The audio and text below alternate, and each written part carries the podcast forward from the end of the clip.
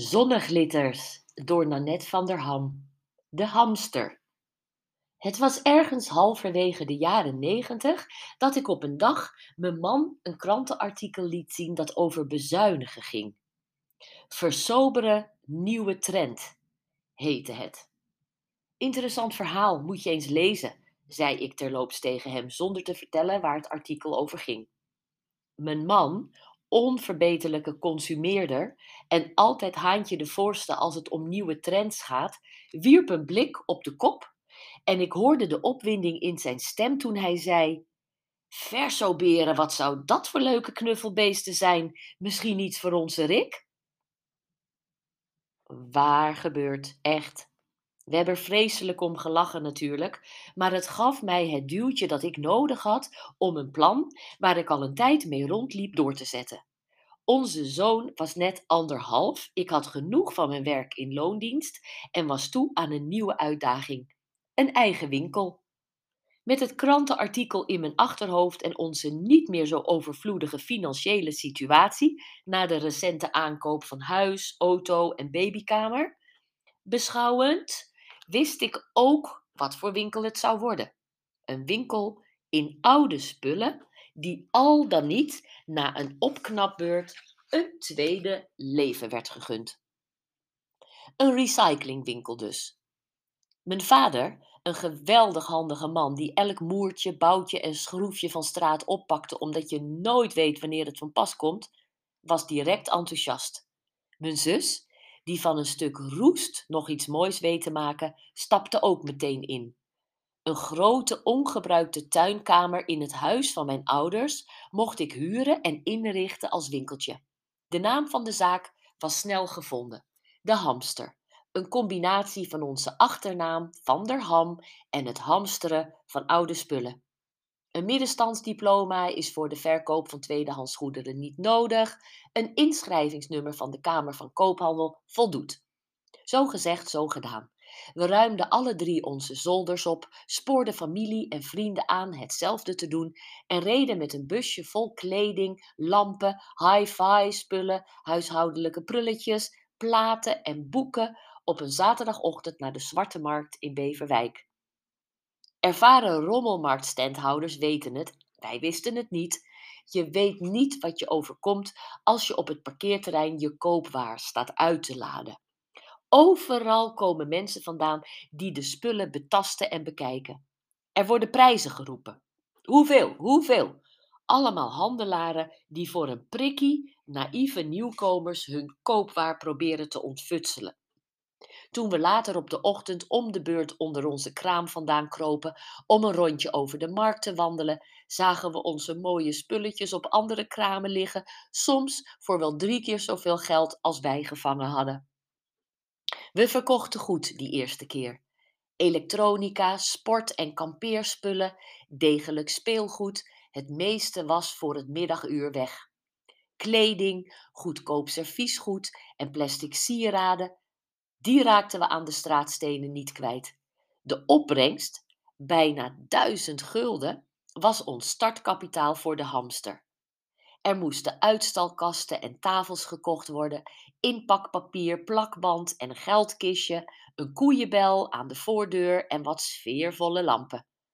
Ik schreef een kennismakingsfolder die we in het hele dorp in de brievenbussen stopten en aan alle bekenden stuurden. We zaten hele avonden bij elkaar te knutselen en te vreubelen. Al brainstormend en steeds meer overtuigd dat we op het punt stonden een wereldzaak te openen. Op de dag van de opening hezen we plechtig het bord met onze naam op de gevel en schonken een glaasje. De winkel stond en hing vol spullen, van onszelf of in consignatie genomen. Drie jaar heeft de hamster geleefd.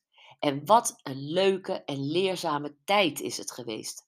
Een bonte rij klanten deed het winkeltje aan. De koper en tinverzamelaar die elke maand even kwam kijken of er weer nieuwe spullen waren en veel meer van tin en koper wist dan ik. De artistieke boerderij-eigenares die elke week even binnenwipte en altijd wel een stukje kunst of een collectors item kocht.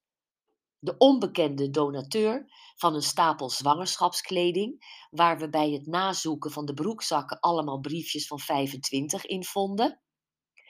Daar had je ZP'tje en VG'tje, twee oudere dames uit de buurt. Zielepietje, ZP'tje, schuifelde elke week naar binnen met haar doosje sieraden. En als ze haar mond opendeed om te vragen of er al iets van haar spullen was verkocht, dan deinsden we altijd een meter terug om haar drankkegel niet te hoeven ruiken. Gaven haar het conciliatiegeld en namen weer wat nieuwe sieraden in ontvangst. Als we VG'tje, vergane glorie, door het raam aan zagen komen, krompen we ineen. Met opgeheven hoofd en hautaine blik stapte ze de drempel over alsof ze de bonnetterie betrad. Dan legde ze haar groezelig witte enveloptasje op de toonbank en ging uitgebreid de kledingrekken langs. Bij elk kledingstuk dat ze voor zich hield, moesten we commentaar geven. En na veel passen en draaien kocht ze altijd wel wat. Een nep parelsnoer of een imitatie Chanel rok. Als het niet staat, breng ik het terug, kondigde ze stevast aan. Hetgeen ze helaas ook regelmatig deed. En dan het naaste familielid dat ik niet nader zal noemen, die dure kleding binnen placht te brengen en er absurd hoge prijzen voor wilde hebben, omdat het hele goede merken waren. Toen ik uitprobeerde te leggen dat voor een tweedehands Van Gils pak echt geen 350 euro wordt betaald, nam ze beledigd haar hele handel weer mee. Uiteindelijk is die hele partij in de zak van Max beland en heeft er geen cent voor gekregen. Verdrietige mensen brachten de inboedel in van opa, die in het bejaardenhuis was overleden, en kwamen de volgende dag met spijt de helft weer terughalen. We zijn bestolen en gematst, kundig geworden in het herkennen van zilvermerken en wijzer geworden in de omgang met mensen. Maar met inmiddels twee kleine kinderen werd het allemaal te zwaar. Opgroeien in een winkel waar je nergens aan mag komen, is niet je van het voor een peutertje. Zakelijk gezien leverde mijn loondienst nog altijd meer op. Mijn zus was al eerder afgehaakt en ik besloot eind 1996 met net zo'n groot feest als waar we mee geopend waren, de zaak te sluiten. Ceremonieel haalden we het hamsternaambord weer van de buitengevel. Met de niet teruggenomen consignatiegoederen zijn we nog één keer op de markt gaan staan.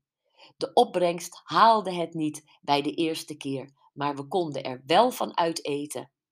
En weemoedig proosten we die avond met elkaar op de teloorgang van de hamster.